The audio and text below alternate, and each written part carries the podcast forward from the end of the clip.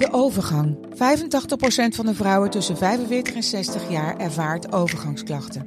Klachten die kunnen leiden tot een verkeerde diagnose of langdurige arbeidsongeschiktheid. Wat kun je doen als je overgangsklachten ervaart? Hoe maak je dit bespreekbaar op je werk? En als jouw medewerker bij jou komt, wat kun je als werkgever dan doen? Sector Instituut Transport en Logistiek heeft een kennisplatform ontwikkeld waar jij terecht kunt voor tips en adviezen. Wil je er meer over weten? Kijk dan eens op stl.nl/overgang. In deze aflevering hoor je het verhaal van Cherish Periwinkle. Een achtjarig Amerikaans meisje dat in een oogwenk verdwijnt terwijl ze aan het winkelen is met haar moeder en zusjes.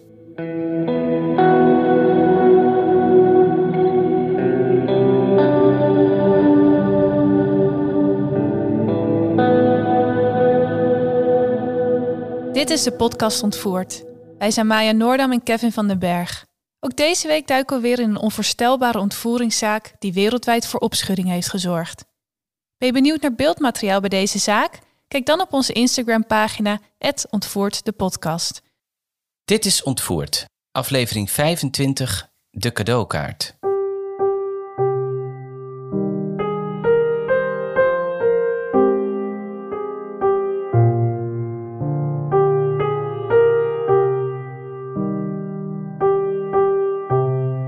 Cherish Lily Periwinkle wordt geboren op kerstavond 2004. Ze woont met haar moeder Rain en haar twee jongere halfzusjes in Jacksonville in Florida. Het gezin heeft het financieel zwaar, maar is erg liefdevol. Cherish werd verwekt na een one-night stand tussen Rain, die werkte als stripper, en Cherry's vader Billy, een matroos. Rain komt erachter dat ze zwanger is en besluit om het kindje te houden, maar het stel gaat wel uit elkaar. Billy verhuist later naar Californië en de twee raken verwikkeld in een voogdijstrijd om Cherish.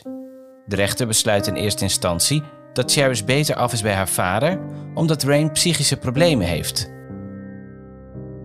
Volgens de rechter is Rain daarom niet in staat om goede keuzes te maken. Ondanks deze evaluatie krijgen Rain en Billy in 2010 toch de gezamenlijke voogdij, met Rain als primaire voogd. Cherish gaat daarom wonen bij haar moeder en dienstvriendje Aaron. Het is een onrustige periode. Ze wonen vanwege de financiële problemen op veel verschillende plekken, waaronder bij haar oma en in een daklozencentrum. Cherish is een heel blij meisje. Altijd met een grote glimlach op haar gezicht en ze heeft mooie grote ogen. Ze is dol op roze, Disney en cartoons. Ze organiseert theekransjes met haar poppen en speelt graag in het water. Ook gaat ze met plezier naar school en heeft ze net geleerd om zonder zijwieltjes te fietsen.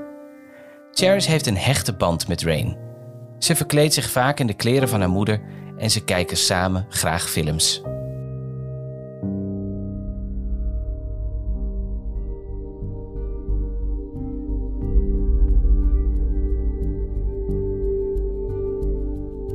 Het is vrijdag 21 juni 2013. De achtjarige Cherish maakt zich klaar om haar vader te bezoeken in Californië. Volgens de voogdijafspraken brengt ze de zomers bij Billy door en daar heeft ze heel erg veel zin in. Ze is dol op haar vader en andersom. Cherish en Rain zijn al de hele dag bezig om alles in orde te maken voor haar reis. Ze moeten alleen nog even naar de winkel om de laatste kleren en benodigdheden te halen. Cherish en Rain gaan hiervoor samen met de zusjes van Cherish naar de Dollar General, een winkel in hun woonplaats. Ze hebben weinig geld en geen auto, dus ze lopen zo'n 20 minuten naar de winkel. Rain heeft 100 dollar bij zich. Hiervan moet ze kleding en toiletspullen kopen, maar ook Cherish naar het vliegveld krijgen. In de winkel kijkt ze daarom naar afgeprijsde artikelen en is ze constant aan het rekenen met haar budget. Zonder dat ze het doorhebben, wordt het viertal al een tijdje geobserveerd door een onbekende man. Hij luistert naar hun gesprekken en hoort Rain aan een winkelmedewerker uitleggen dat ze een jurk voor Cherish niet kan betalen en dat ze die daarom moet terugleggen. Het is inmiddels zeven uur als de man Rain en haar kinderen benadert. Hij stelt zich voor en begint een gesprek. Het is een iets oudere man met grijs haar en een vriendelijke uitstraling. Hij vertelt Rain dat hij op zijn vrouw wacht en dat zij een cadeaukaart van 100 dollar heeft voor Walmart. Hij zegt: Als je meegaat naar Walmart, dan koop ik wat kleren voor je meiden. Rain vindt het een enorm aardig aanbod en besluit om samen met de meiden met hem mee te gaan. Ze wachten 20 minuten buiten de Dollar General op de vrouw. Maar het begint te regenen en dan zegt de man: Ik rij jullie wel naar Walmart in mijn busje en dan zien we mijn vrouw daar. Rain aarzelt, maar het aanbod is te goed om af te slaan voor haar. Ze kan zich de spullen niet veroorloven die haar kinderen nodig hebben en nu staat er opeens iemand voor haar die de spullen aanbiedt. Ze zegt: Ik ga normaal niet mee met vreemden, maar als je vrouw komt, dan is het oké. Wanneer ze bij Walmart aankomen, zegt de man dat hij op de parkeerplaats op zijn vrouw gaat wachten en dat Rain en de kinderen vast naar binnen moeten gaan om spullen uit te zoeken. Rain denkt ondertussen dat ze echt geluk heeft. Deze man gaat ons echt geven wat mijn kinderen nodig hebben.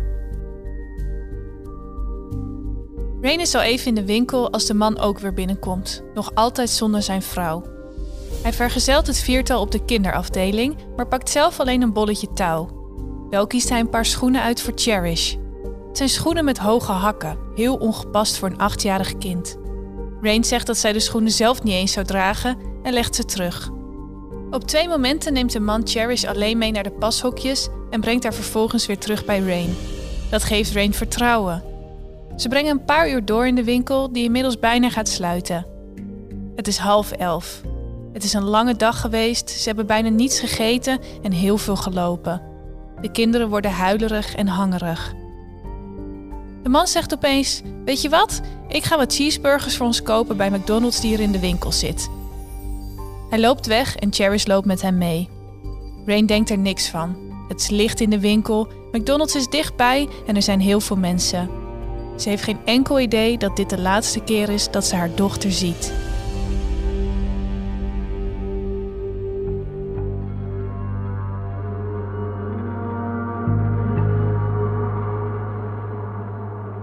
Het verhaal van de man blijkt helaas namelijk te mooi om waar te zijn. Waar Rain denkt dat ze spreekt met een ogenschijnlijk lieve, getrouwde man op leeftijd, praat ze in werkelijkheid met een ongehuwde geregistreerde zedendelinquent. De 56-jarige Donald James Smith. Smith heeft een geschiedenis van misdaden tegen kinderen, waarvoor hij in de afgelopen 30 jaar al meerdere malen is veroordeeld. Begin jaren 70 wordt hij voor het eerst opgepakt omdat hij zijn geslachtsdeel laat zien aan een kind. Sinds dat moment gaat hij in en uit de gevangenis en is hij verbonden aan een programma voor zedendelinquenten. Na zijn eerste veroordeling moet hij een psychologisch onderzoek ondergaan waaruit blijkt dat hij een geesteszieke zedendelinquent is. Maar hij wordt hiervoor niet of nauwelijks behandeld in de gevangenis.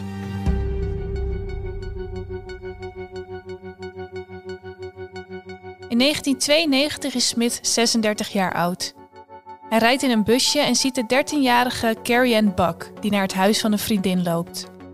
Hij probeert haar zijn busje in te krijgen, maar het meisje zet het op een lopen richting het huis van haar vriendinnetje. Maar daar is niemand thuis, dus ze blijft rennen tot ze bij een schoolplein aankomt. Smith is achter haar aangekomen, dus ze verstopt zich doodsbang in een glijbaan. Hij roept: Ik weet dat je hier bent, trut. Ik ga je vinden. Hij gaat uiteindelijk weg, maar probeert later twee andere minderjarige meisjes zijn busje in te lokken met pornoblaadjes. Ook zij rennen weg. Een paar dagen later ziet Carrie Ann hem voor haar huis staan gluren. Haar familie noteert het kenteken van zijn busje en geeft hem aan bij de politie. Smit wordt opgepakt en veroordeeld tot zes jaar gevangenis voor poging tot ontvoering. Als hij niet in de gevangenis zit, woont Smith bij zijn moeder, die in de 80 is. Haar huis is op afstand van een school, wat ondanks zijn registratie als zedendelinquent niet verboden is. Hij doet zich voor als een aardige buurman en helpt als schilder en klusjesman. Maar de buren kennen zijn verleden en vinden hem daarom raar. Smith is heel manipulatief, ziet eruit als een aardige man en beweegt zich makkelijk in sociale situaties. Hij heeft zelfs een kind uit een eerdere relatie. In 2002 omschrijft zijn psycholoog hem als een duidelijk gevaar voor kinderen en de gemeenschap, maar autoriteiten doen niets met deze informatie. De meest recente arrestatie van Smith vindt plaats in 2009, omdat hij zich heeft voorgedaan als een medewerker van jeugdzorg. Hij heeft zijn oog laten vallen op een negenjarig meisje en hij maakt obscene en bedreigende opmerkingen naar haar. Op een dag belt hij de broer van het meisje en vraagt naar zijn zusje. De jongen geeft hem het nummer van zijn moeder. Smith belt de moeder op, vertelt haar dat hij voor jeugdzorg werkt en dat ze een onderzoek doen naar haar dochter. De moeder wil de organisatie niet dwars zitten, want ze is bang voor de gevolgen, dus ze geeft Smith het telefoonnummer van de grootouders van het meisje. Dat is namelijk waar ze op dit moment verblijft. Smith krijgt de oma van het meisje aan de lijn en die gelooft zijn verhaal ook.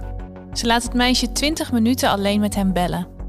Hij vraagt haar of ze een BH draagt en hoe haar genitaliën eruit zien.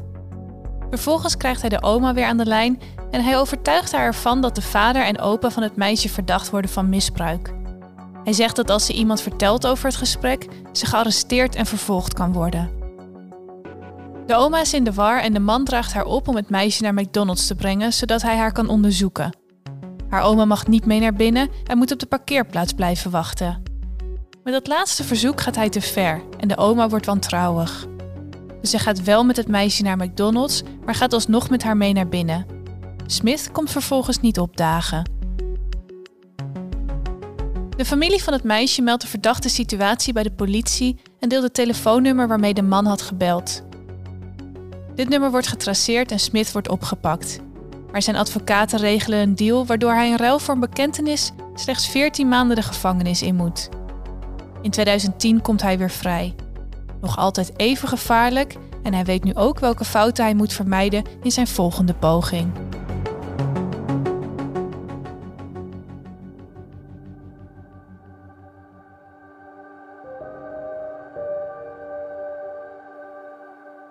Dagen na zijn vrijlating meldt hij zich bij een instantie voor mentale hulp. Hij wordt naar huis gestuurd met een lijst met namen van hulpverleners, maar voordat hij hulp krijgt, komt hij de Perrywinkels tegen. Sinds zijn vrijlating hebben twee mensen contact opgenomen met de politie om Smith te rapporteren op basis van zijn verdachte gedrag. Een van de bellers had hem zien rondzwerven in een Walmart in een klein dorpje. Hij leek onrustig en bleef de gangpaden aflopen op zoek naar iets. De beller vond dat het leek alsof hij de klant aan het screenen was, had er een slecht gevoel bij en rapporteerde dit gedrag. De tweede melding wordt gedaan op de avond dat Smith Rain en haar dochters ziet. De beller had hem gezien terwijl hij verstopt stond achter een kledingrek voor vrouwen met zijn telefoon in zijn hand. Het leek alsof hij mensen aan het filmen was, dus ook hiervan werd een melding gemaakt. Er wordt alleen niets met de melding gedaan. Die ochtend heeft de politie toevallig wel een routine adrescheck gedaan bij hem, maar dat heeft hem er niet van weerhouden om op zoek te gaan naar een slachtoffer. Smith is uiteindelijk pas drie weken vrij als hij Rain en haar kinderen aanspreekt in de Dollar General.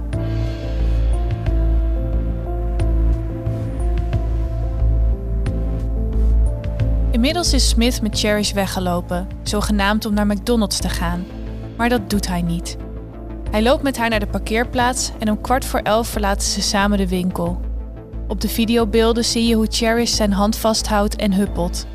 Ze heeft plezier gehad en de man is aardig, want ze krijgen eten en kleding. Ze vertrouwt hem. Ze stappen in zijn busje en rijden weg. Na 20 minuten realiseert Rain zich dat haar dochter en de aardige man nog niet terug zijn van McDonald's. En dat is gek, want zo lang duurt dat normaal gesproken niet. Dit heeft te lang geduurd. Ze kijkt rond en raakt in paniek, want ze ziet haar dochter nergens. Het is inmiddels 11 uur en de winkel gaat sluiten. Rain heeft een winkelwagen vol met kleren, maar geen geld om het te betalen. De man die aanbood om het te betalen is er niet en zijn vrouw ook niet. Maar nog belangrijker, ook haar dochter is nergens te bekennen.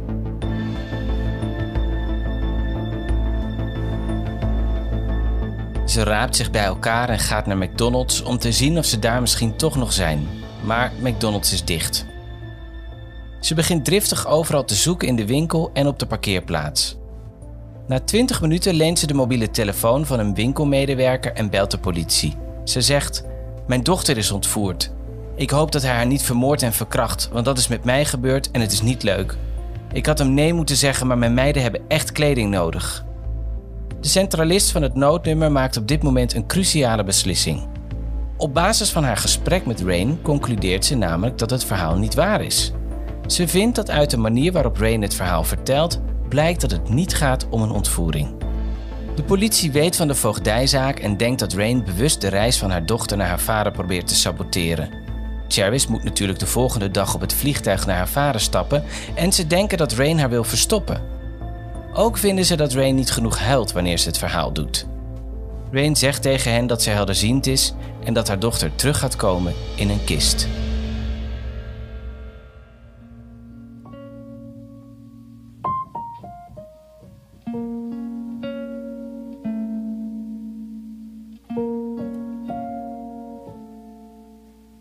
Deze inschattingsfouten van zowel de centralist als de politie vertragen het onderzoek drastisch.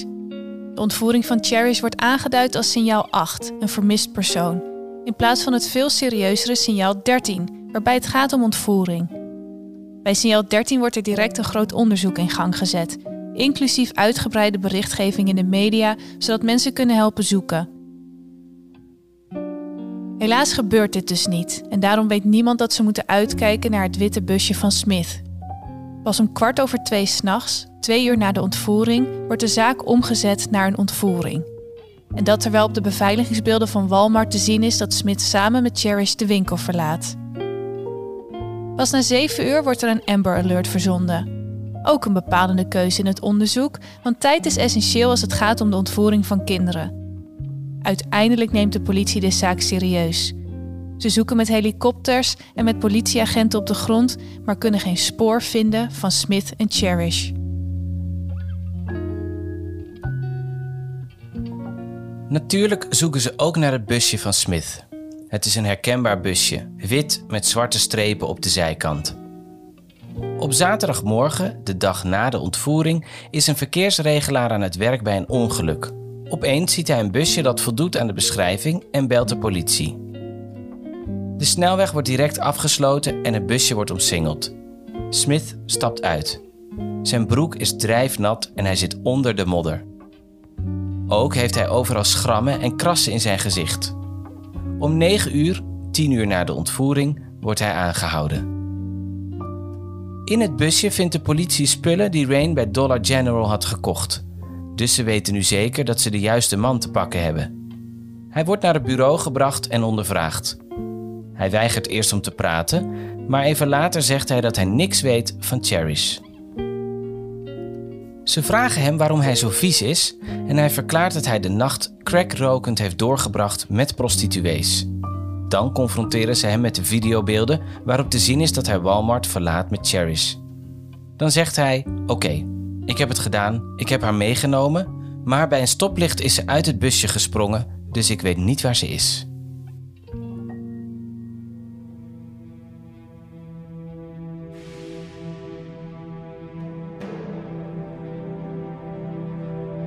Op het moment van de ondervraging krijgt de politie een telefoontje van een buurtbewoner die het Amber Alert en het nieuwsbericht heeft gezien. De man meldt dat hij eerder een verdachte auto heeft gezien op een verlaten weg. Een wit busje met zwarte strepen. De politie gaat direct op onderzoek uit in het gebied en zet hiervoor speurhonden in. Al snel, vlak voor tien uur, vinden ze het halfnaakte lichaam van Cherish. Het meisje is overleden. Zonder identificatie weet de politie al dat het om haar gaat, omdat ze dezelfde oranje jurk draagt waarmee ze ook op de beveiligingsbeelden stond. Het meisje is ruw verkracht. Ze is zo heftig gewurgd met een kledingstuk dat het vel van haar hals verdwenen is. Haar tandvlees bloedt van een enorme prop in haar mond. Haar lichaam is verborgen in een kreek achter een kerk. Smit wilde haar lichaam verbergen en had hier heel erg zijn best voor gedaan. Cherish wordt gevonden onder een boomstam, bedekt met bakstenen en cement en er liggen stukken asfalt op haar om haar onder water te houden. Het was de bedoeling dat ze niet meer gevonden zou worden.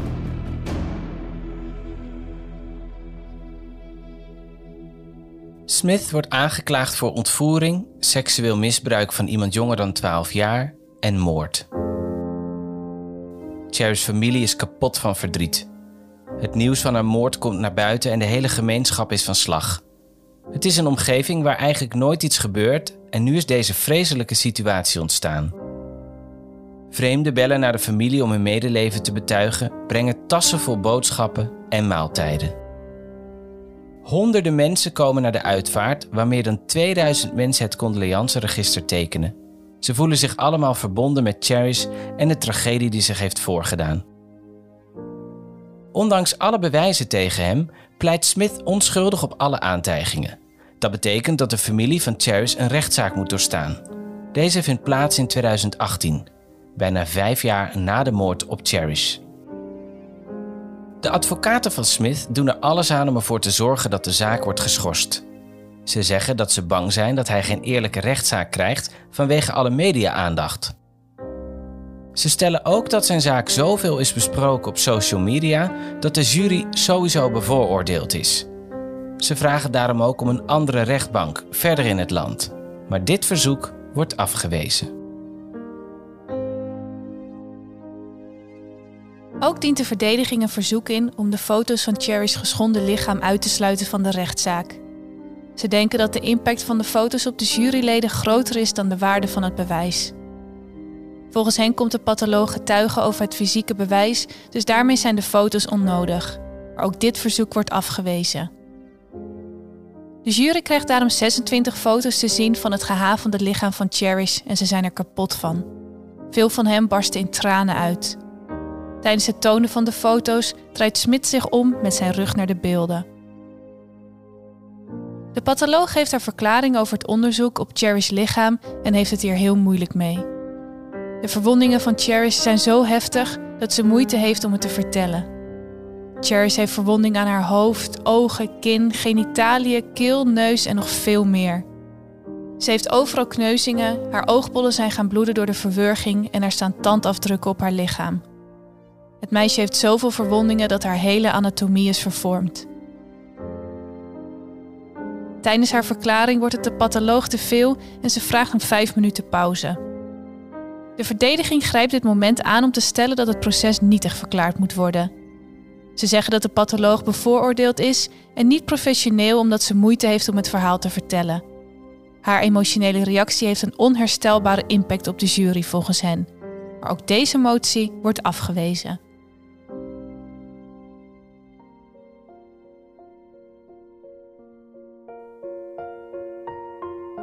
De aanklagers vertellen de jury dat Cherish niet een snelle of makkelijke dood is gestorven. Het was een marteldood. Uit de afweerwonden op haar armen en handen blijkt ook dat het meisje gevochten heeft voor haar leven. Ze heeft Smith gekrapt en gebeten. Ze heeft gedaan wat ze maar kon.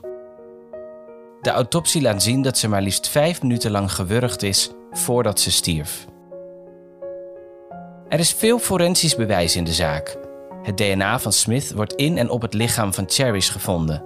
Ook wordt het DNA van Cherish gevonden op het geslachtsdeel van Smith. Verder worden de beveiligingsbeelden getoond waarop te zien is dat Smith met Cherish vertrekt bij Walmart. Daarbij getuigen er meerdere mensen die het tweetal op de bewuste avond op de parkeerplaats hebben gezien. Het is overduidelijk dat Smith de dader is. Maar de aanklagers weten daarnaast ook te bewijzen dat hij geen berouw heeft ze delen geheime opnames van Smith in de gevangenis terwijl hij daar verbleef in afwachting van zijn rechtszaak.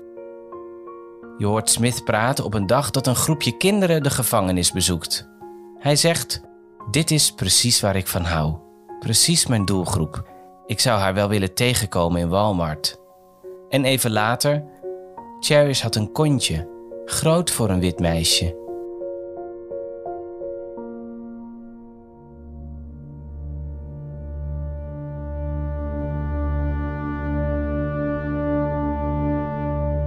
Voorafgaand aan de rechtszaak blijkt ook dat Smit zijn moeder heeft gebeld om te vragen of ze hem een boek wil brengen over psychische aandoeningen.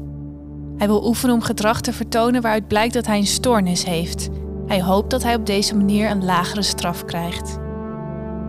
Hoewel Smit bewust heeft gekozen voor een rechtszaak, draagt zijn verdediging geen enkele verklaring of getuige aan. De jury heeft vervolgens maar 15 minuten overleg nodig voordat ze hem schuldig bevinden. Ook bij de strafbepaling is iedereen het eens dat er maar één passende straf is. Donald Smith wordt ter dood veroordeeld.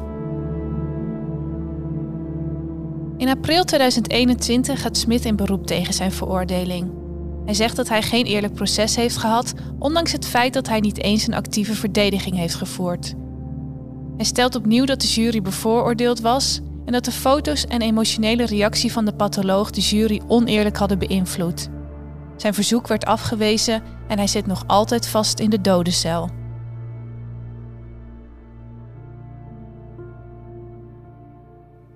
Rain, Cherry's moeder, krijgt veel kritiek over haar rol in de zaak.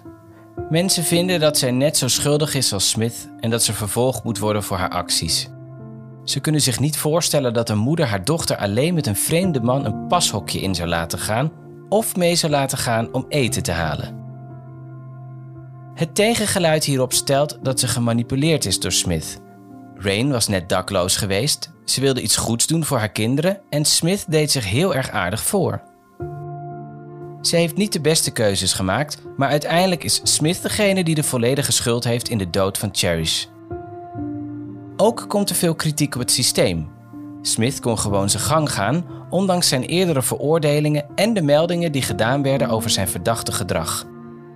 Ook zijn er grove fouten gemaakt door de centralist en de politie naar aanleiding van de melding van ontvoering door Rain. Door de zaak verliest Rain ook de voogdij over haar andere kinderen. Ze worden geadopteerd door de zus van Rain uit Australië, waar ze nog altijd wonen. Cherry's vader Billy was niet aanwezig tijdens het proces. Hij zei dat hij bang was voor wat hij zou doen als hij in dezelfde ruimte zou zijn als de moordenaar van zijn dochter. Hij zegt: Cherish had een goed leven voor zich. Ze was waarschijnlijk heel succesvol geweest in iets, maar dat zullen we nooit weten.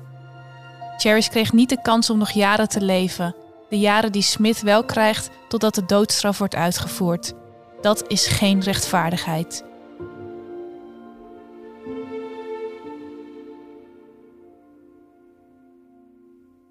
Tot zover het verhaal over de ontvoering van Cherish Periwinkle.